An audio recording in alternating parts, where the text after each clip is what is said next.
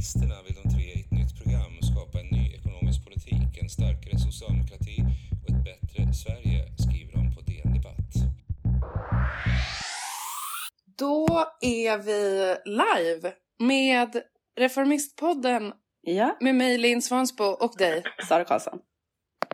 Sara Karlsson. Så här ser vi ut hörni. Ni som lyssnar på podden brukar ju inte. Ni brukar bara höra oss babbla. Precis. Eh, Men så här är det. Sara ser coolare ut när hon inte har på sig skitstora lurar. ja, jag ser ut som en gamer I nu. vanliga fall. Ja, nu ser du verkligen Jag gamer. försöker inkarnera de här eh, unga killarna.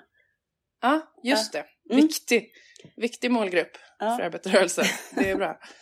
Hur mår du Sara? Jo men eh, bra, nu ser jag nästan eh, normal ut och normalt ut från mina ögon. Jag har fortfarande lite nedsatt syn efter min ögonsjuka men annars bra. Hur mår du? Just det. Nej men jag mår bra så att vi inte får det här, vi skojade ju om det i förra avsnittet. Att vi, det blir någon typ av inledningssektion i varje Jag- poddavsnitt nu kring våran hälsa för vi har varit så sjuka och krassliga. Och... Nu kan jag inte ens klippa bort det här. Nej för vi är live så att nu blev det så en, ändå. Så att jag svarar bara, jag mår, jag mår bra. Toppen. Lite pirrig över att få det här att eh, funka och rulla och sådär. Mm. Men det verkar ju, det verkar fan gå vägen. Det står att vi är live. Kul ju! Och vi har ju, vi har ju liksom eh, ramat in det här avsnittet utifrån eh, ja, men det är världsläget i, i, eller liksom läget i världsekonomin kan Mm. man säga. Ehm, eftersom det är som det är så verkar det ju eh, helt sjukt att en ekonomisk-politisk S-förening med en podd inte djupdyker lite i den ekonomiska politiken. Mm. Så, det ska vi, så kan man väl säga, det är Det temat. kan man säga och man kan ju säga att vi, vi kan en massa olika saker du och jag Linn men vi är ju inte Mm. riktigt experter på ekonomi så vi behöver ju ta hjälp. Vi tog hjälp. Ja. Och om ni, ni som har sett eh, delningsbilden av Facebook-eventet såg kanske att det hette Fråga en ekonom. Mm. Ja. Eh, det är lite, lite ljug. Lite för ljug. vi, eh, vi har för det första inte tagit hit personer i singularis. Eh, utan vi har två gäster med oss. Mm. Och sen fick jag lära mig här i uppsnacket att en av dem kanske egentligen inte är ekonom. Nej. Eh, men eh, jag tänker att vi säger välkomna in i bild och live till Max och Elisabeth. Hej! Halloj. Tackar. Hej. Hej. Tack så mycket! Kul att se er. Okej. Skitkul att Samma. ni är i, i podden live. Eh, och en ekonom och en oekonom. Elisabeth, du, eh, du är ekonomen i fråga. Vill du eh, berätta något om vad du gör? Ja, jag är ju ekonom. Jag är ekonomhistoriker egentligen. Eh, doktorerar i Uppsala. Men eh, ja, är väl ekonom någonstans i grunden. Jag har i alla fall läst nationalekonomi. Eh, så att, eh, typ ekonom kan man säga. Eh, lyssnarna och tittarna. Eh, det gills ändå att de ställer frågor till en ekonom i ditt Ja. fall, tycker jag. Ja, Ja. ja. Även, även i Max fall tror jag. Eh, så ek- ekonom är väl inte en skyddad titel heller så. Men, men du är ju sociolog i grunden. Ja, precis. Jag är sociolog. Eh, men jag håller på med ekonomisk sociologi så att det, är, det ligger ganska nära ändå. Mm. Och eh, så forskar jag på Handelshögskolan. Som är ganska ekonomisk av sig. Så att eh, jag tycker ni kan komma undan med det. Ja. ja, jag tycker det också. Det känns Gött. bra. För mig och Linn i alla fall att få prata med er. Ja, verkligen. Detsamma. Ehm, men som sagt, ni hörde ju mig liksom påa lite hur vi har tänkt oss temat kring avsnittet. Så här, läget i världsekonomin, vad händer, vad kan man... Jag tänker att ni kanske bara kan... Liksom, vill ni inleda med att bara beskriva utifrån den ganska breda, vad är det som händer? Liksom? Eller vad, vad, hur beskriver man läget i ekonomin just nu? Vill du börja Elisabeth? Mm, jag kan börja. Um, ja, jösses tänkte jag säga. Liten Ehm, fråga. Ja, jag har liksom varit djupt nere i kaninhålet i det som händer i Storbritannien just nu de senaste dagarna. Så att eh, i, i, liksom, i den kontexten, och då, jag kan bara dra det jätte, jättekort och jätte, försöka göra det så okomplicerat som möjligt, men det är helt enkelt så att regeringen i Storbritannien la fram en budget eh, för några dagar sedan eh, och finansmarknaderna då reagerade väldigt negativt på den eh, och efter det så har det varit ganska stökigt eh, på marknaderna eh, och räntorna har gått upp och sådär. Eh, och det kommer krav då på att Bank of England ska höja räntorna för att den här budgeten var väldigt expansiv finanspolitiskt och det kommer vi komma tillbaka till senare vad det betyder i den här kontexten. Men i alla fall, mm. eh, det, där är det ju fullskalig panik nästan. Eh, att liksom, nu är det finanskris igen, nu, nu är läget riktigt illa. Eh, så att vi vet ju inte riktigt var det, det tar vägen. Men om man ska tänka det läget vi har haft sedan pandemin tog slut eh, så är det ju en ganska annorlunda situation mot hur det var innan eh, när räntorna var väldigt låga och eh, man pratade mycket om liksom att vi behövde använda mm. till exempel finanspolitiken för att få upp räntorna och få igång investeringar så är vi ju nu i en helt annan miljö med ganska hög inflation eh, och eh, höga elpriser inte minst. Mm. Det, det, var ju en stor fråga i valrörelsen. Eh, så att, ja, osäkert är väl ordet. Mm. Mm. Och alltså för det är ju mycket inflationen som man fokuserar på i någon typ av så här allmän nyhetsrapportering, att man hela tiden pratar om siffrorna för inflationen och sådär. Men man pratar ju, och man pratar ju såklart om el och bränslepriser. Men jag tycker ofta att det saknas lite grann mer alltså analys av vad, eh, vad det är som driver inflationen och hur man ska analysera det, det ekonomiska läget givet det. Och vad kan man säga liksom om så här, eh, alltså för, bara är det bara liksom en allmän eh, så här, en allmän inflation, så bara att priserna bara ökar okontrollerat eller så här, beror det främst på eh, elpriser och bränslepriser knutet så här, till kriget? Men vad får det för liksom, effekter på, på liksom, spridningseffekter på, på övriga priser? Så? Hur ska man liksom, tänka, vad, vad är inflationen för något? Liksom? Vill du hugga på den Max? Eh, ja, eh, jag, jag, tror att det är nog bättre att se det så som att det, att det inte är en allmän prisuppgång utan att det är just särskilda priser som går upp väldigt, väldigt mycket. Eh, som avspeglas i att hela index då går upp. Och som du sa, framförallt energipriserna mm. eh, har ju skjutit i höjden, inte minst efter eh, Putins anfall mot Ukraina. Och eh, även innan dess så använde han ju eh, gasen som, en, som ett sätt att höja priserna på elmarknaden i Europa. Så att det, är, mm. det är väldigt mycket el och energipriser som, som höjer eh, inflationen. Mm. Och sen så matpriserna är också en väldigt stor del eh, som delvis är kopplat då till att, till att bränslepriserna går upp. Så blir det dyrare med, med konstgödsel och med diesel som, som man behöver för att eh, odla. Men även mycket klimatrelaterade relaterade eh, eller åtminstone väderrelaterade fenomen men som då kan kopplas till, till klimatet med torka och översvämningar på olika håll. Ehm, och eh, sen så ska man inte heller glömma pandemin och hela den omställningen. omställningen. Dels då att, att folk stannade hemma eh, och fick, fick fortsatt inkomst men stannade hemma och slutade spendera på tjänster och spenderade istället på, ehm, på varor. Eh, samtidigt som Kina stängde ner och om man då har lagt hela liksom, eh, världens fabrik, fabrikssystem i Kina och sen så stänger de ner hela landet med jämna mellanrum så, så skapar det ganska mycket flaskhalsar i produktionen mm. och sådär. Är det de här um, halvledarna? Ja, äh. precis. Det, det, är en, eh, en, en del halvledare som sen i sin tur går in i eh, biltillverkning som, är sen till, som i sin tur avspeglas i priset på begagnade bilar och sådär. Mm. Eh, så att man kan väl säga att det, det, åtminstone så har det börjat som att det är särskilda flaskhalsar och särskilda priser som har gått upp väldigt mycket. Men energi till exempel ingår i, i den mesta mm.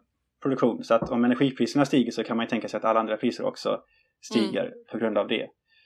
Eh, och sen så dessutom så finns det nog ganska många exempel också på att eh, företag passar på att höja priserna när inflationen går upp också. Eh, ja, det har man ju ändå redan börjat se lite nyhetsrapportering om. Så här ICA-handlare mm. som eller jag såg någon, för det var ett par veckor sedan då, när det var någon spannmålsproducent som bara, vi har inte alls höjt priserna på spannmål, men eh, att, att ICA-handlarna har gjort det liksom. Mm. Hur mycket, mm. hur mycket sånt, är, är, det, är det mycket det? Eller är jag vet det... faktiskt inte. Nej.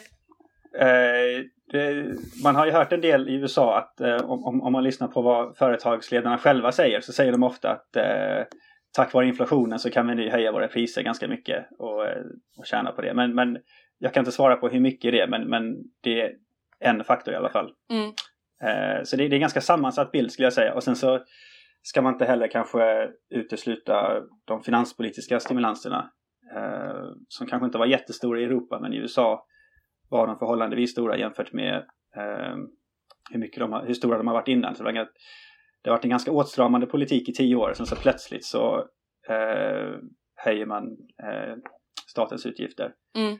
Eh, och sen så till stor del så beror dagens inflation också på att man under tio år innan dess inte har investerat särskilt mycket och att man har haft en väldigt slimmad produktion och man har eh, satsat väldigt mycket på eh, effektivitet så att säga. Att man har väldigt eh, lite eh, buffert i systemet och eh, plötsligt så kan det då överväldigas om, om, eh, om priset på timmer går upp till exempel så kan hela värdekedjan eh, överbelastas. Så att det är både pandemin, både eh, kriget i Ukraina men också de här tio åren av eh, bristande investeringar innan, Mm. innan som skapat detta och klimatet. Mm. Mm.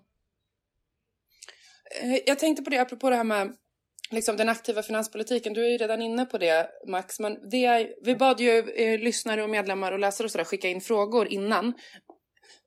och flera av dem är sånt som vi redan funderade på tror jag. Jag och Sara eller ville prata mer om. Och just den där grejen är en så här återkommande eh, fråga eh, från, från flera som lyssnar och läser. Alltså hur, hur bör man tänka nu kring just finans, den finanspolitiska styrningen? Vi har ju pratat, vi i Reformisterna pratar ju jättemycket mer om en, om en mer aktiv finanspolitik och en mer expansiv finanspolitik och investeringsdriven liksom, och, och offentligt, eh, offentliga investeringar och sådär. Eh, givet det du berättar Max, hur, hur, vad tycker ni, både, både Elisabeth och Max, liksom, vad borde, borde vi fortfarande driva den frågan? Vi i Reformisterna.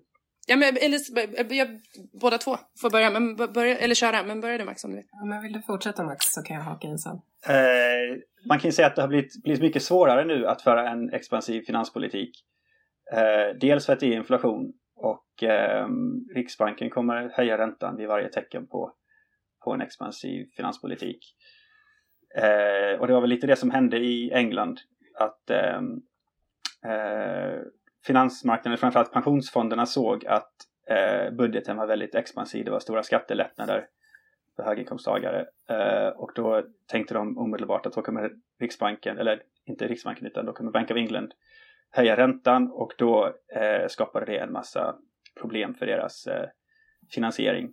Eh, och sen så eh, och även i Sverige så har vi ju en, en självständig riksbank som eh, vars uppgift är att, att motverka expansiv finanspolitik när inflationen redan är hög. Sen kan man ju säga att den här inflationen vi ser nu har egentligen kanske inte så mycket med överhettning att göra, alltså den sortens inflation som räntehöjningar är tänkt att adressera. Det är tänkt Mm. att kyla ner ekonomin om det, om det är för mycket investeringar till exempel. Så ska man höja räntan och så minskar man investeringarna. Men nu är det ju snarare så att, ehm, att det, det är utbudet som är eh, för lågt snarare än att det är för mycket pengar i systemet. Så, att, eh, Eh, så att det är inte säkert att, eller jag, jag, jag, jag tror inte själv att en räntehöjning nu är rätt motmedel mot inflationen men likväl så är det det Riksbanken kommer, kommer göra. Så att på så sätt är det, är det mycket svårare att föra en expansiv finanspolitik nu. Och det är även eh, det är ju även fortfarande stora flaskhalsar i leverantörskedjor i, i brist på, på eh, vissa komponenter och på eh, vissa material och sådär. Så att eh, man måste vara mycket mer eh, man måste ha mycket mer riktade investeringar nu om man ska Mm. göra det. Man, kan- man kan inte ha någon sorts vulgär keynesianistisk inställning nu och bara liksom blåsa på eh, och hoppas att, att liksom eh, eh, att, ursäkta, att eh, arbetslösheten ska gå ner och bara för att man liksom blåser ut pengar och sänker skatten utan man måste Mm. jag tror att det är viktigare nu att eh, samtidigt argumentera för skattehöjningar och Mm. att man till exempel tar bort eh, skatteavdrag, man tar bort ränteavdraget och sådana saker kanske. Eh, vilket också i sig är svårt när, när räntan höjs. Så det, är, det, det är lite knepigt men samtidigt är det ju så att mycket av den inflationen vi ser beror ju på bristande investeringar och inte minst då i energi. Mm. Hade vi investerat i fossilfri energi under de föregående tio åren så hade vi inte haft det här problemet som vi har nu i Europa med, med eh, gaspriserna. Mm. Eh, och framöver så är det ju det är bara mer investeringar i energi och i utbyggt elnät och sådana saker som kommer att eh, lätta de här utbudsstörningarna. Så det är inte mindre viktigt nu att ha en investeringsdriven politik men det kanske är mindre viktigt att ha någon sorts allmän stimulanspolitik så att säga. Mm, och mer riktad. Vad, vad, säger du Elisabeth på samma fråga?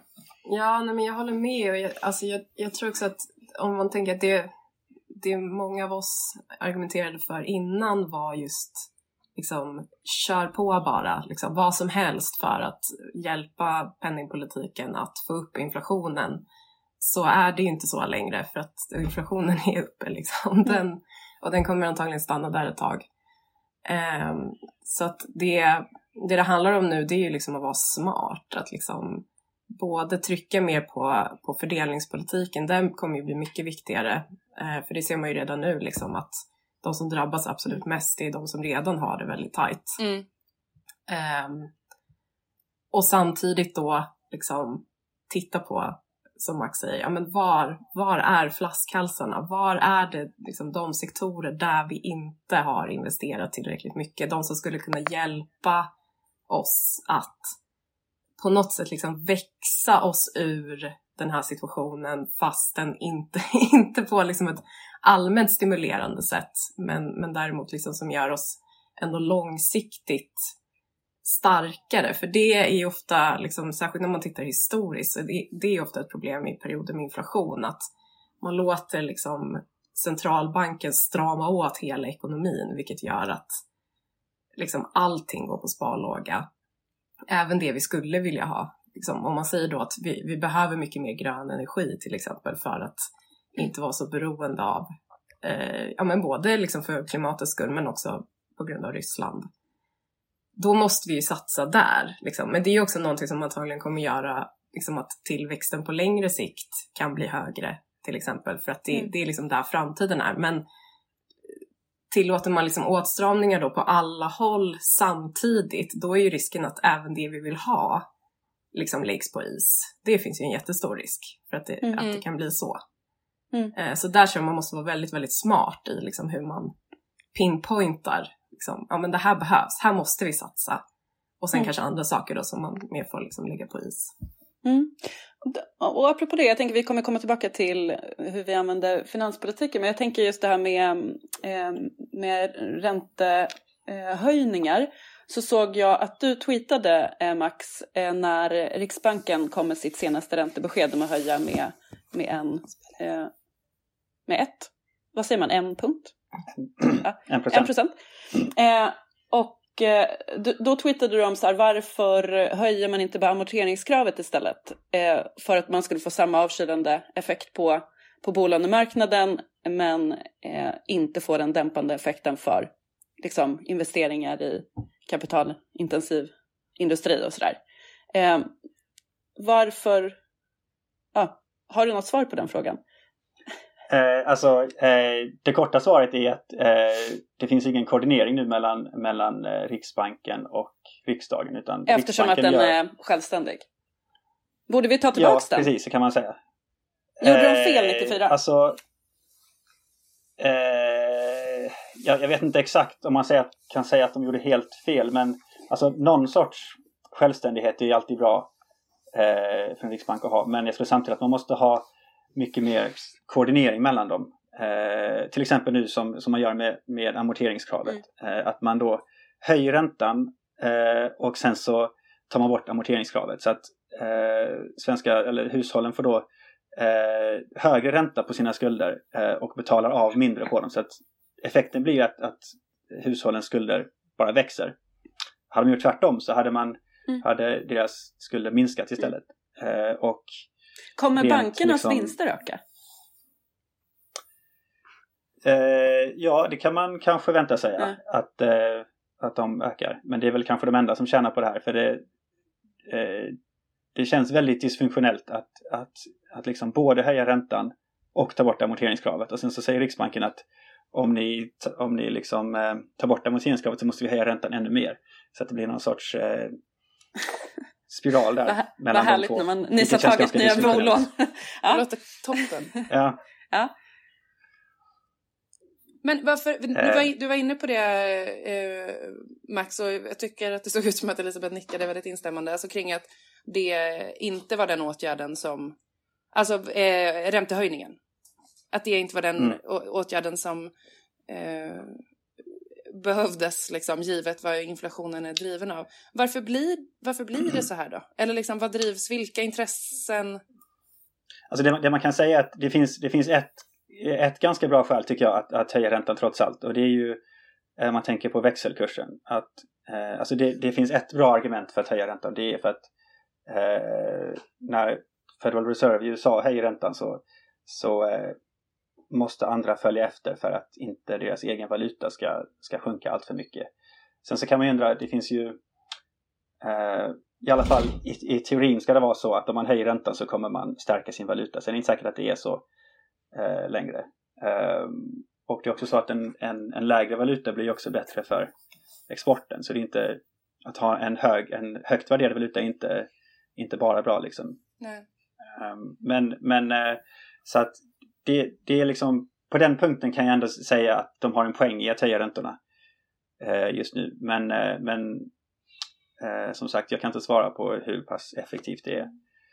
Men Men, men det är också det att de har, de har bara ett verktyg och det är att, att höja räntan och, och därför så, så gör de det. Oavsett vad de um, om det hjälper eller inte så måste de göra någonting och det är det de kan göra. Ja, just det, är vad Riksbanken kan göra. Eh, och alltså, du var inne Mm. på det att eh, alltså, ska man göra något annat så måste det kanske koordineras då med andra eh, organ och aktörer. Men, men vad liksom, om man tänker bortom Riksbanken, Elisabeth, vad, vad, vad kan man göra? Liksom? Vad finns det för instrument för att eh, bekämpa inflationen? Ja, alltså det finns ju, ursäkta, både, ja men lite det vi har varit inne på det här att liksom bygga bort flaskhalsar då, se till att liksom arbetskraften slussas till de sektorer där det är mest, ja, som är mest produktiva, där det är mest tillväxt. Um, se till att det finns liksom eh, ja, de insatsvaror så där vi behöver. Där är ju liksom det knepiga att vi har inte riktigt kontroll över allt det Mm. eh, och kan kanske inte alltid göra så mycket åt det. Eh, men sen kan man ju göra som en del andra länder har gjort, man kan sätta ett pristak eh, till exempel på, på elpriserna. Eh, man Mm. kan gå ännu längre och ha liksom priskontroller, prisstopp, att man helt enkelt säger så här, nu kostar elen bara det här.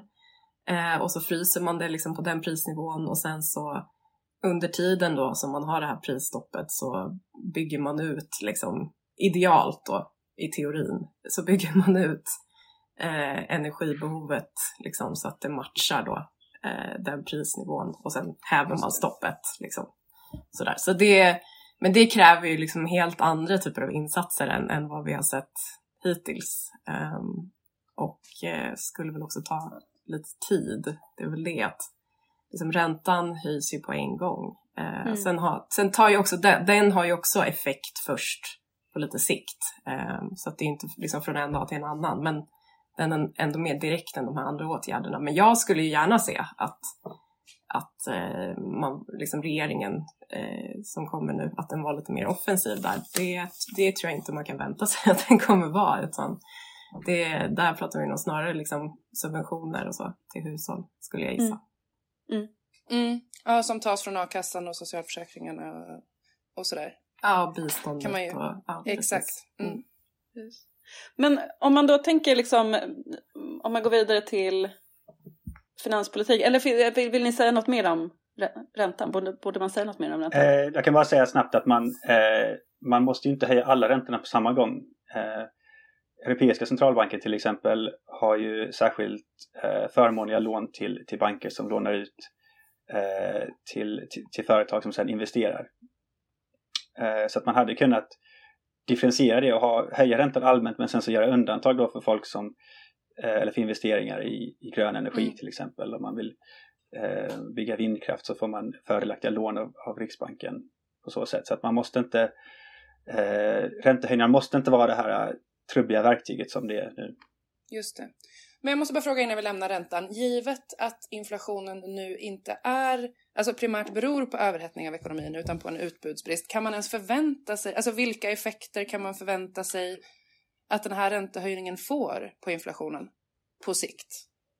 Även om det dröjer lite då som du var, var inne på. Eller, även om det gör det Elisabeth, vad tror du, vad, vad kommer det här leda till?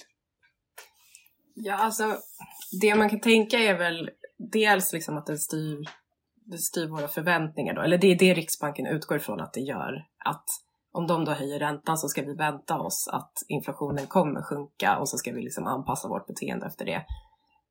Um, men det, ja, det är väl sådär, ja, ja och nej. Det finns väl olika åsikter om det verkligen är så. Men, men det man kan vänta sig det är ju liksom, dels, ja, det blir allt dyrare. Liksom, alla, alla som har bolån vet ju det, att det liksom kommer bli dyrare Eh, och så vidare och eh, priser höjs och sådär. Men sen är väl liksom tanken att eftersom att okej okay då inflationen liksom i grund och botten är det kanske energipriserna då när det gäller Europa. Men eftersom att det då, energi liksom ingår i allting annat så blir det ändå liksom att inflationen blir så bred. Det blir inflation på så otroligt många olika varor att då är väl tanken liksom att räntan på något sätt ska dämpa att inflationen fortsätter sprida sig i ekonomin. Och liksom i slutändan så handlar det ju om liksom att hålla lönenivån nere också mycket. Eh, att se till då att liksom den inte ökar, vilket ju kan bli också kontraproduktivt för att det är klart, ju högre räntan blir, desto svårare blir det ju också för löntagarorganisationerna att liksom hålla mm. tillbaka medlemmarna på något sätt. Men, men det är väl tanken att ja, få ner den ekonomiska aktiviteten. Men sen är frågan hur hög den ekonomiska aktiviteten egentligen är. Ja, för jag vet inte om eh, det är jag som är dum, men jag fattar inte det. Alltså om, vi, om, om en stor del av inflationen nu beror på energipriserna, eller det var andra parametrar också var inne på, liksom med pandemin och, och en, flera år av underinvestering, eh, både här och där. Men om inflationen beror på energipriserna och elpriserna och att den anledningen till att det får sån spridning i ekonomin är för att de, den prishöjningen går ut över annat så fattar jag inte. Alltså elen kommer väl fortfarande vara dyr för fabrikerna som behöver producera saker eller liksom. Mm. Ja. Ja. ja. Om det, det inte är, ju... våran ekonomiska aktivitet som driver inflationen menar jag. Det är ju det korta svaret, ja. ja men så kommer det ju vara liksom. Och ända tills ja. den blir billigare så kommer den ju påverka priserna. Så, så är det ju. Liksom. Mm. Eh, och det är ju mycket vi mm. inte kan påverka. Typ vad som händer i Tyskland till exempel. Och deras och när man, när man pratar om elmarknaden så får man inte heller glömma att eh, det är själva designen på den marknaden också som, som påverkar priserna. Eh, och just det faktum att det alltid är den, den dyraste enheten el som sätter priset för alla. Så att om det kommer in, eh, om det inte blåser så mycket i Sverige eh, och vårt, eh, kärn, våra kärnkraftverk ligger nere eh, och vi måste köpa, eller, och rysk gas importeras så, så det ryska gasen som kommer sätta priset för hela marknaden. Mm. Eh, och det gör ju att elen blir dyr även om produktionskostnaderna inte har, har gått upp alls. Så att det kan bli väldigt dyrt att köpa el som är superbillig att producera. Mm.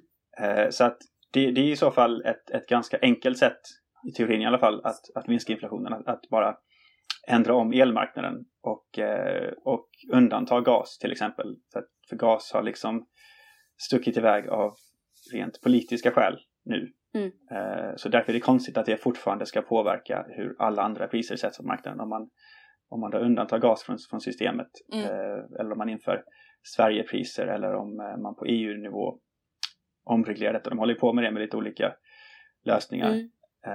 Då, det är ju ett sätt att, att minska priserna utan att, utan att få mer elproduktion, utan bara att sänka priset på det. Sen så behöver man ju mer el också och inte minst då om man tänker i ett längre perspektiv så måste mm. ju Sverige ha enormt mycket mer el om vi ska genomföra hela den här gröna omställningen i Norrbotten med Hybrid och, och eh, grönt stål och så vidare, Northvolt. Mm. Mm. Just det. Men om, om man bara tänker på den frågan kring hur eh, liksom, elmarknaden fungerar. Eh, om man nu liksom, jag tänker att det är många eh i EU-kretsen som ändå eh, vill eh, åstadkomma en förändring. Hur snabbt kan det gå liksom? Att den vägen ändra på elmarknadens funktionssätt liksom? Eh, jag, jag, tror att det som kommer hända är väl kanske att man inte om man inte ändrar själva elmarknadsmodellen så kommer man eh, kompens man kommer liksom ändra det på finanspolitisk väg att man skattar bort Just det, får massa 26 eh, olika Ja, ett lapptäcke, man, liksom. man skattar bort mm. övervinsterna och delar ut mm. till, till konsumenterna så att effekten blir att man har ändrat systemet men att man gör det på finanspolitisk mm. väg. Och det, det, det, alltså det måste de väl nästan göra nu innan vintern kommer på EU-nivå. Ja. Uh, det finns, finns väl inget alternativ till det liksom, så som det ser ut. Mm. Det håller ju redan på att hända. Att liksom, länderna ja. tar det i egna mm. händer. Så Precis. Det, på det sättet kan man ju säga att marknaden på det ändå av, är avskaffad. Mm. Liksom. Ja, just Men, det. Det är klart att det är bättre liksom, om det inte är helt godtyckligt sådär. Men ibland kan det ju vara så att man hinner inte vänta på EU utan man får mm. ta saken i mm. egna händer. Nej, och det kan man verkligen tänka sig att, alltså, att det kommer inte hinna hända innan, innan vintern liksom, utan det, det kommer finnas en massa olika ad hoc lösningar över, över den här vintern ja. som kan det kanske komma något annat på plats. Men nu skulle jag vilja eh, röra mig till, alltså, vi har ju snuddat flera gånger vid, eh, vid finanspolitiken, men jag, men jag tänker om man bara startar i, i liksom någon typ av så här grundfråga kring, alltså för det vi har pratat om nu, liksom inflationen i sig, eh, liksom alla prishöjningar, eh, räntehöjningar, det är ju jätteåtstramande i sig. Eh, så ett finanspolitiskt vägval där är ju liksom mellan så här att försöka balansera, kompensera för det. Eh, eller att liksom, eh, det som ju ändå finns en risk att man ytterligare stramar åt med, med finanspolitiken. Vad, vad tror ni liksom, vad kommer att hända ur ett, ur ett svenskt perspektiv? Liksom? Kommer, kommer finanspolitiken så här ytterligare bidra till, eh, till ytterligare åtstramning eller kommer man, blir det som i Storbritannien liksom? Alltså jag tror Storbritannien är så otroligt avskräckande så jag, jag kan liksom inte tänka mig att, att Ulf Kristersson skulle överhuvudtaget våga gå den vägen. Men, eh, men jag, jag, tror absolut att det kommer bli någon, någon typ av subvention. De gick ju till val på liksom, eh, någon, en typ av subventionsmodell för hushållen. Mm. Så någonting sånt blir det ju eh, med all sannolikhet. Och det är klart att det kommer ju vara Ja, det, det kommer ju vara något expansivt då antagligen. Men det är ju liksom inte annorlunda mot vad andra länder gör nu. Mm. Eh, så det vore nästan konstigt om Sverige liksom inte gjorde det. Och det blir också ja, absurt tänker... om liksom, mm. regeringen inte kan göra någonting utan att Riksbanken ska komma liksom, skuttande och eh, hota med, sina räntehöjningar. Nej, precis. Det var eh, men, men, man skulle ändå kunna tänka sig en så krona för krona eh, finansiering mm, eh, via mm. så sänkning av a-kassan, biståndet och sådär till eh, elsubventioner. Det, det tror jag kan vara absolut ganska sannolikt. Säk, säkert också för att de kommer inte liksom vilja ta den kritiken av att liksom, åh, ni hotar den finansiella stabiliteten, bla bla bla. Mm. Sådär. Men sen är det klart att det finns ju också en risk att det blir som, som det var i början av 90-talet då, där liksom allt stramas åt samtidigt. Så här, Riksbanken höjer räntan och eh, finanspolitiken blir superstram. Liksom. Mm. Eh, och då, då är, blir det inte roligt. Då kommer arbetslösheten öka ganska mycket.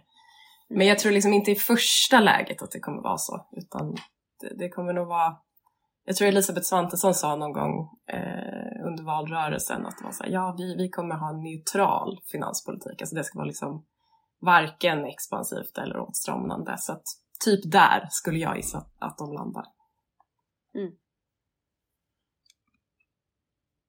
Vad säger du Max? Ja, jag vet inte om, jag, eh, jag vet inte om de kommer eh, sänka a-kassan. Eh, de har i alla fall sagt, lovat eller Sverigedemokraterna har ju, har ju framfört det som ett krav att a-kassan inte ska sänkas i alla fall. Och det vore väl konstigt om, om man sen gör det när de har gått ut så pass tydligt med det. Eh, att sänka a-kassan i en lågkonjunktur är nog inte så politiskt smart även om kanske de borgerliga skulle vilja så, så tror jag att SD kommer sätta stopp där. Ehm, um, SD kan ju också gå ihop med S om, om, eh, om det skulle vara så på den punkten. Uh, men de kommer väl nog sänka, uh, sänka en hel del skatter tror jag, vilket är expansivt. Så de kommer kanske sänka bensinskatten och, och um, uh, kanske sänka skatten för de som jobbar. Mm. Just det. Um, Nya jobbskatteavdrag. Eh, på det stora hela så tror jag nog att man just den här kombinationen mellan de borgerligas skattesänkariver och SDs ändå något välfärdskramande. Att de inte vill, eh, de kanske inte vill bygga ut välfärdsstaten men de kanske inte vill se den eh, nedhuggen heller. Så att eh, det kan göra att, att, att, finanspolitiken ändå blir ganska expansiv skulle jag gissa. Och sen så ska de också bygga kärnkraft vilket är dyrt. Mm. Och eh, kanske också, alltså de har ju åtminstone i valrörelsen så gjorde de ett stort nummer av hela elfrågan. Eh, och ska man ta den på allvar så räcker det inte bara med att bygga kärnkraft, då måste man också rusta upp elnätet. Eh, så det är någonting man kan tänka sig också att de, att de skulle investera i. Mm, just det, så att liksom effekten blir en, en, en ganska expansiv finanspolitik. Ja, jag skulle, skulle gissa det i alla fall. Mm. Mm. Du var inne på det i början tror jag Max, det här med att, att eh, eller jag tyckte du sa någonting om att det här är liksom ett snarare ett tillfälle att också diskutera eh, att höja vissa skatter. Eh, eller ur, ur ett jämlikhetsperspektiv. Eller är jag ute och cyklar? Var du inte inne på det i början? Kring, det kan man kanske inte förvänta sig från, från borgerligheten, men vad som egentligen behövs. Har Max fastnat nu? Eh, det försvann där för mig. Ja, eh, du satt så himla still. Eh, men det gjorde du inte då. Oh. Eh, nu hackar det verkar du igen, tror jag, Max. Ja. Ja, men då ställer jag, eh, slänger ut frågan ish eh, till, till oss alla tre. Eller vad, kan man, vad, vad borde man, eh, vad vill du se för eh, skattepolitik, Elisabeth, då? Inte vad du förväntar dig att borgarna kommer med när Elisabeth Svantesson får bestämma. Men vad behövs? Vad behövs för skattereformer? Nej men det behövs ju skatter som liksom fördelar eh, köpkraft neråt till de som kommer ha det absolut svårast nu. Eh, så det, det måste man ju ha. Eh, och om det innebär att man ska ha till exempel en någon typ av förmögenhetsskatt eller något sånt så, så tycker jag absolut att man ska ha det. Jag gillar också modellen som de har haft nu eller ska ha i i Spanien till exempel där man lägger skatter på eh, energibolagens vinster, de som gör då väldigt stora vinster nu. Eh, och så tar man de pengarna och använder till stöd mm. till hushållen. Alltså det, det mm. skulle vara en, en jättebra modell. Mm. Men är inte det likt den som eh, regeringen presenterade här? Alltså att ta från Svensk Kraft Nats, men det är överskott, inte beskattning av överskottet. Nej, precis. Tar... Det är det de ja. får in. Men, men ja, det blir lite likt för att de får ju också ja, väldigt ja. mycket då eftersom att man vinner så mycket på att exportera. Ja. Har du hört, är du med Max igen? Ja, det hackar lite men jag är med nu mm. i alla fall tror jag. Vad säger du kring skattepolitiken? Inte då vad vi kan förvänta oss av borgarna vad gäller skattesänkningar utan vad, vad som behövs? Eller vilken... Vad skulle vi behöva göra? Eh, det var en svår fråga. Eh, personligen så, så, skulle jag gärna se att man hade ganska eh, eh höga skatter och inte minst eh, på allting som är miljöfarligt. Men eh, det vet jag ju att rent politiskt så är inte det särskilt framkomligt. Så att um, jag vet inte riktigt vad jag ska säga där men, men eh, ju, mer, ju mer progressivt desto bättre. Och ju mer grönt desto bättre. Mm. Men sen så tror jag också att man inte kan använda bara piskan för att, för att få fram en eh, klimatomställning utan om man då höjer bensinskatten eller har en väldigt hög bensinskatt så måste man också kompensera för det på något sätt. Man måste i så fall subventionera elbilar eller, eh, eller på något annat sätt mm. kompensera de som är beroende av bilen. Så att, eh, jag, jag, tror på eh, höga skatter men, men undantag som, eh, som eh, hjälper de som inte har något alternativ. Mm. mm.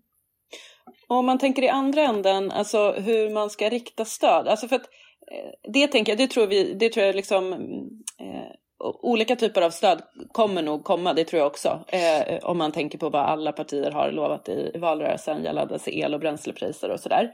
Eh, men, men som vi har varit inne på så eh, är ju liksom eh, höjda matpriser slår ju mot eh, kanske inte liksom just de grupperna som, som nås av stöd, Ehm, alltså minskad bensinskatt till exempel. Eh, hur, hur ska man liksom, om man vill få en, en bra fördelningsprofil på de stöd som man ger i den här situationen, hur ska man rikta dem så att det når eh, inte de som använder mest bränsle och el?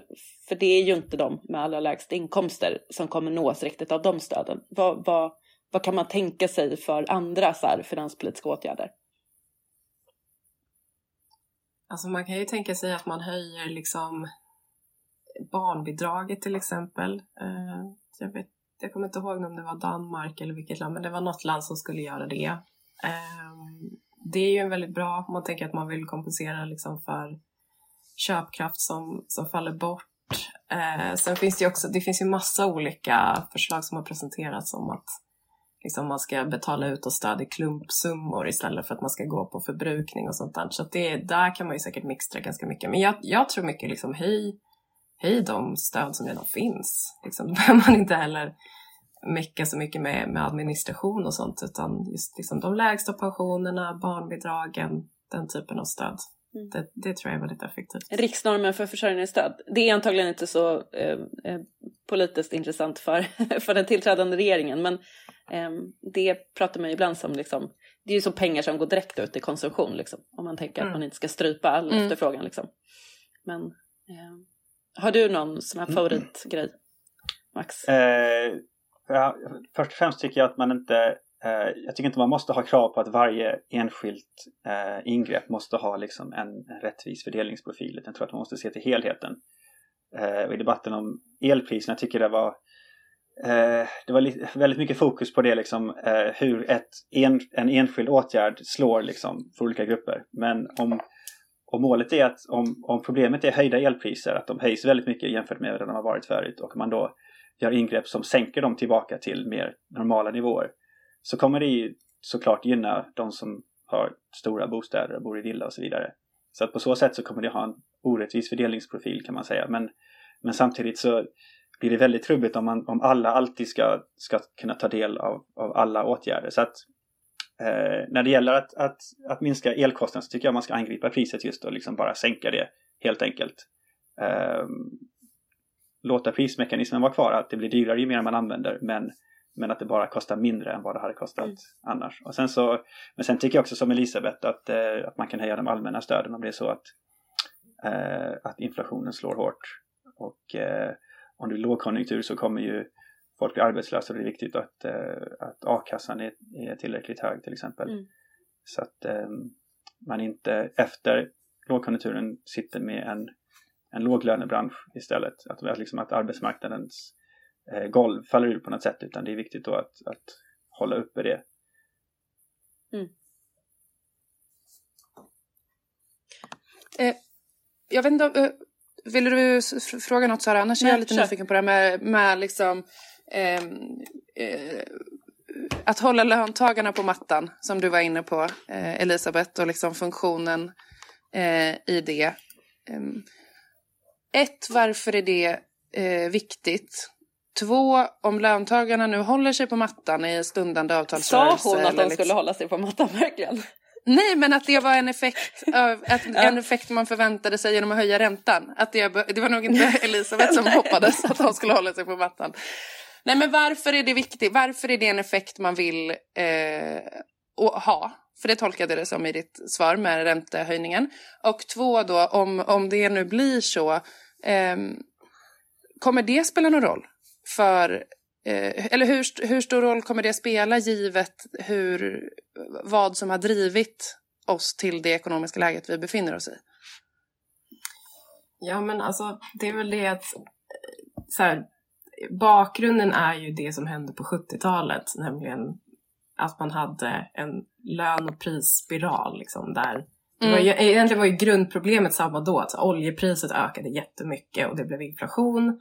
Men skillnaden mot nu då är att fackföreningarna var mycket, mycket mer militanta i, i liksom sina lönekrav, vilket gjorde att de såg till att kompensera sig ganska väl för ganska många av prisökningarna.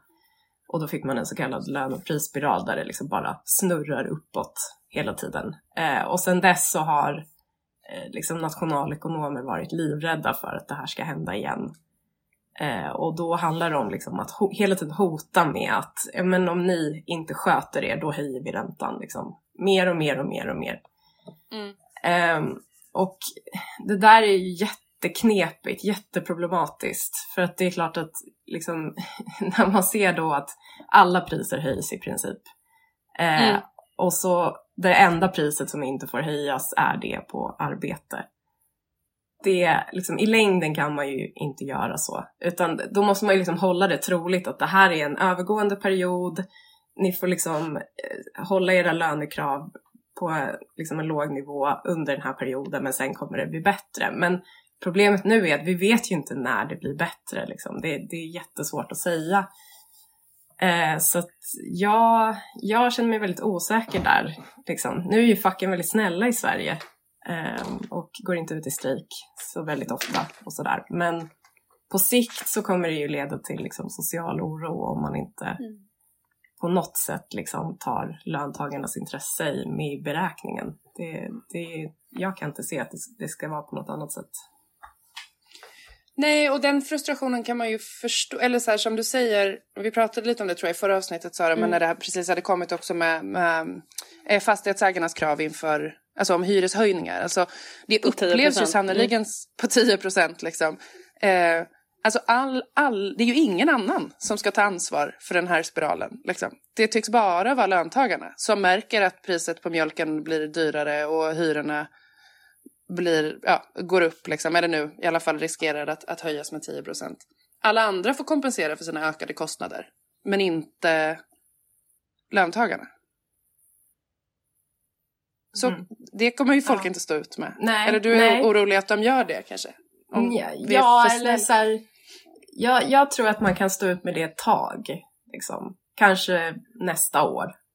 Mm. Men om det sen blir liksom ett år till och ett år till, då kommer det inte, då, då, jag kan inte tänka mig att, att folk kommer stå ut med det.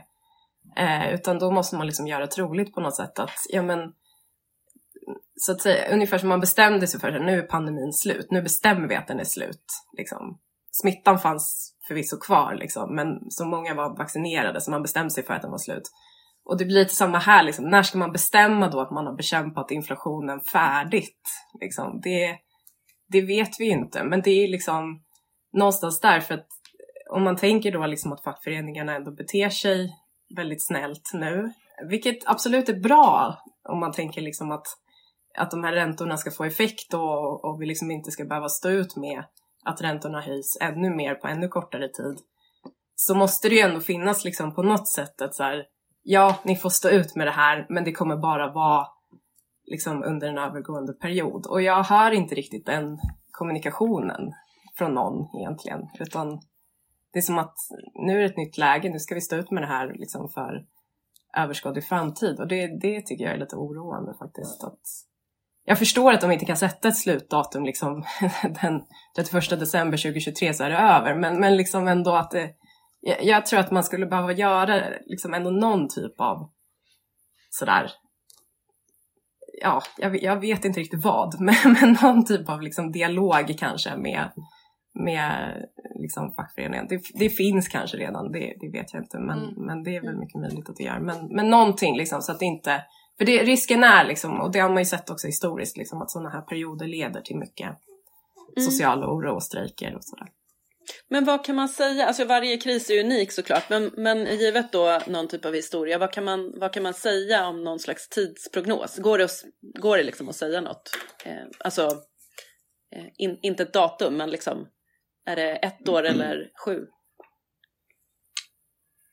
Det är ganska många saker på samma gång. Det är ju dels i kriget då och det är ju svårt att veta hur länge det kommer hålla på. Mm. Ehm, sen, men sen så, de här nedstängningarna i Kina tänker man att de kanske inte kan hålla på för evigt ändå. Eh, jag såg någon som sa att eh, de kommer hålla på fram tills eh, nästa befordringsrunda i kommunistpartiet. Eh, för att nu används eh, de här covid eh, lockdowns som ett sätt för, för lokala Mm. parti Just det, det finns alltid lite sån- visa sig hur sånt duktiga också. de är. Mm, precis.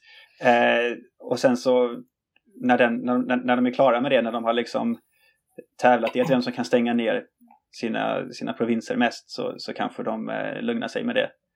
Eh, och sen så, så småningom kanske smittan också försvinner så att de inte stänger ner sina fabriker. Så det är i alla fall någonting som, som på sikt kan, Mm. kan lättas upp. Eh, och eh, man har väl sett att, eh, att det är många, många priser som var väldigt höga under pandemin som sen stadigt har sjunkit. Med till exempel att, att frakta varor över Atlanten och, och ehm, oljepriset kommer ner nu också med när, när USA öppnar sin strategiska reserv och, och säljer olja till marknaden. Ehm, men eh, saker som, eh, som torka och sånt med matpriserna vet man ju aldrig. Alltså det kommer ju snarare bara Mm. tillta så småningom. Mm. Så att eh, det, det, det, är, det är svårt att säga att man skulle kunna komma tillbaka till ett normalläge före pandemin. Det är inte säkert att man gör det. Nej, just det. Och alltså, som du pekar på så en del effekter av klimatförändringarna kommer ju antagligen också leda till mera ryckighet eh, kring en del Mm. eh, världsmarknadspriser och sådär kan man ju tänka sig. Eh, Mm. Eh, jag skulle vilja... Får jag, får jag, får jag, får jag göra ett lite fokusskifte? Ja, du är programledare för den här podden. Ja, men jag så har ju bara också att- dig som kollega så att jag måste ändå kolla av. I olika rum också, vi är så ovanligt osynkade. Ja, men precis. Men jag, byt spår. Jag Ja. sitter och scrollar läsarfrågor här lite under tiden. Jag Ja. tänkte vi skulle plocka upp det som inte kommer upp i samtalet. Men ja, eh, kör. vi har inte så mycket tid kvar och jag vill verkligen eh, hinna med att ställa frågan kring vad som händer med liksom, eh, den- och eh, Mm. energiomställningar och sådär. Det, har ju liksom, det finns ju med hela tiden på något sätt som en, som en fond. Men så här, vi har pratat om det, att alltså, tänka mer riktat i vilka, ehm, vilka investeringar man behöver eh, få till eh, och liksom politiskt stimulera och sådär. Eh, men vad, vad, vad, vad tror vi liksom blir effekten för liksom energi och klimatomställningen av liksom de här eh, prishöjningarna och eh, liksom generella subventioner som man eh, går in med? Eh, och vad skulle vi behöva vad skulle vi behöva göra politiskt för att få till de investeringar som behövs både för att få mera ren energi och liksom få till eh, den klimatomställning som är nödvändig men som ju också är liksom en brygga ur, eh, delvis en brygga ur inflationen. Jättelätt fråga. Eh, men, det känns som men en vad- fråga för Max. Eh, vad vi skulle behöva göra för att, för att eh, investera oss till en klimatomställning. mm. Ehm, ja, alltså... ehm, Och finns det det risker första- med de här elsubventionerna att det, att det liksom så här, ehm, dämpar omställningstrycket? Eh, alltså, eh, nej det tror jag inte det har. Alltså det är väl snarare att eh, alltså det måste man göra nu. Man måste ju se till att folk kan hålla sin, sin värme på Mm. under vintern. Jag är också Ehm, för att man ska kunna Mm. ha värme. Eh, så det, det, och sen så, eh, så kommer det kanske leda till att, att det blir mer utsläpp än vad det hade blivit annars om man hade stängt ner Mm. stora delar av eh, alltså folks eltillförsel. Eh, men det tycker jag inte är ett realistiskt alternativ ändå. Nej. Det som har hänt är ju att på kort sikt så har man ju börjat elda kol igen och man har börjat importera massa flytande naturgas från världsmarknaden. Eh, vilket inte känns så bra omställningsmässigt. Men på lite längre sikt så tror jag ändå att den här krisen nu med, med, med naturgas, att man visade hur pass sårbart Europa var eh, av att vara beroende av naturgas på det sättet, gör att det trots allt ändå kommer, kommer finnas större vilja att investera i eh, förnybart och kanske även kärnkraft på sina håll, även om man fortfarande stänger ner kärnkraftverk så, så tror jag att eh, i Sverige så tror jag att man nu har ändrat om och att man Mm. eh, ska satsa på att investera i mer kärnkraft. Och jag tror att man kommer se det också på andra håll i Europa. Och havsbaserad vind tror jag också kommer, kommer öka på. Eh, I England till exempel kommer man nog satsa hårt på det. Sen så kan man också tänka sig att, att man kommer satsa mer på energieffektiviseringar och Mm. eh, upprustning av elnät och sådär för att bättre kunna överföra eh, vilket behövs om man har Mm. eh, vindkraft som, inte, som man behöver skicka långa, långa vägar eh, när Mm. det inte blåser. Eh, men men det, det bygger ju på också att det finns en politisk vilja att, att eh, göra stora investeringar och det kan ju vara så att, att inflationen gör att den viljan har minskat. Eh, samtidigt så fanns det inte någon vilja till det heller när inflationen var, eller ansågs för låg. Så att, Nej, jag skulle säga det. Det är inte som att de har haglat innan heller. nej, precis. Så att, eh, jag vet inte om det, om, om det egentligen är där problemet ligger utan det, ehm, det är nog bara att, att, eh, att liksom ehm, rätt intressegrupp ska, ska få politikernas öra kanske. Jag vet inte men ehm, ja, Mm. man behöver investera mer helt enkelt. Mm. Mm. Det har kommit in lite frågor kring eh, eh, på lite, i lite olika formulerat men som jag också är nyfiken på. Mm, eh, att, På då att vi går in i lågkonjunktur och liksom inflationen är hög. Det kommer eh, påverka all, all ekonomisk politik kan man ju eh, förvänta sig. Liksom. Hur ser ni framför er att det påverkar eh, att, att satsa på eh, välfärden, liksom. eller det som redan behövde satsas på så att säga. Kan man tänka sig, alltså vi är ju i en situation i Sverige där det saknas liksom hundratals miljarder bara för att bibehålla den nivån på svensk välfärd som vi har idag. Eh, och eh, vi kanske inte kommer bada i hundratals miljarder då kan man tänka sig till, eh, liksom, givet den här, det här läget, att lägga på välfärd. Vad ser ni liksom, jag har ingen konkret fråga, men finns det en motsättning här mellan att göra det vi behöver göra för att upprätthålla och utveckla nivån i välfärden och eh, typ säkerställa att folk kan betala sina elräkningar? Och vad behöver göras för att vi ska kunna göra både och? Kan vi göra både och? Elisabeth, vad säger du? Mm, ja, alltså det... Det finns ju inte en motsättning egentligen om man tänker att man skulle kunna eh, satsa på liksom, offentlig sektor och välfärden och det också är ett sätt att bekämpa inflation för att det är ju tjänster, det är ju liksom inte varor så att energi liksom, förbrukning och så kanske inte är lika hög där på det sättet. Mm.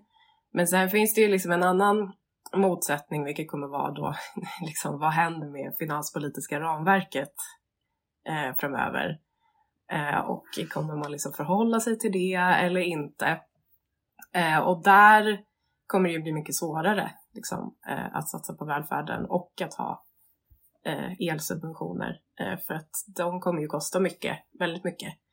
Eh, och då finns ju inte de, det utrymmet liksom, att satsa på välfärden om man inte höjer skatterna då. Liksom. Vilket kanske inte är så troligt eh, nu de kommande fyra åren. Sådär. Eh, och sen Mm. finns det ju också ett, ett annat orosmål. Det är ju det här liksom, att de har ju redan sina effektiviseringskrav där de liksom inte får sina eh, anslag uppräknade. Eh, och eh, blir det inflation då så blir det ju liksom en ännu större diskrepans där de också får liksom ökade kostnader för att deras hyror höjs och, Mm. och så vidare. det. Liksom. Så att Just egentligen kan man ju säga att liksom, de där hundratals miljarderna som behövdes innan, den summan kommer ju nästan växa nu. Det blir ännu större. det. Så det, det kan Ja, bli ett hårt också- slag. Också någonting som eh, eh, borde användas mer frekvent i skattedebatten, den skattepolitiska debatten. Sitter jag och tänker.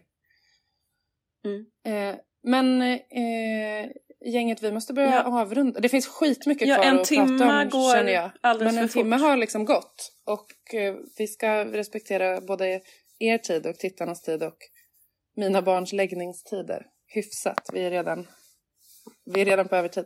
Mm. Men eh, eh, stort tack för att ni kom till Reformistpodden, Max och Elisabeth. Tack själva. Verkligen stort tack. Tack Vi hoppas att vi får prata med er igen snart.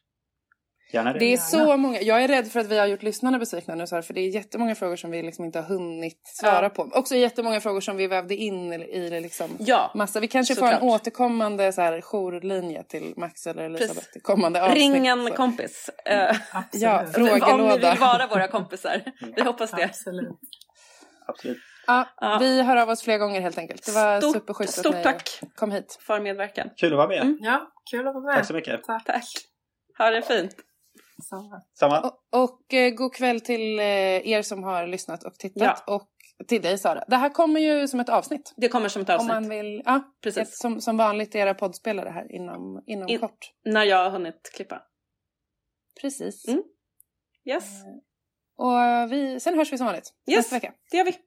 Ha det fint. Hej då! Hej då. Hej då.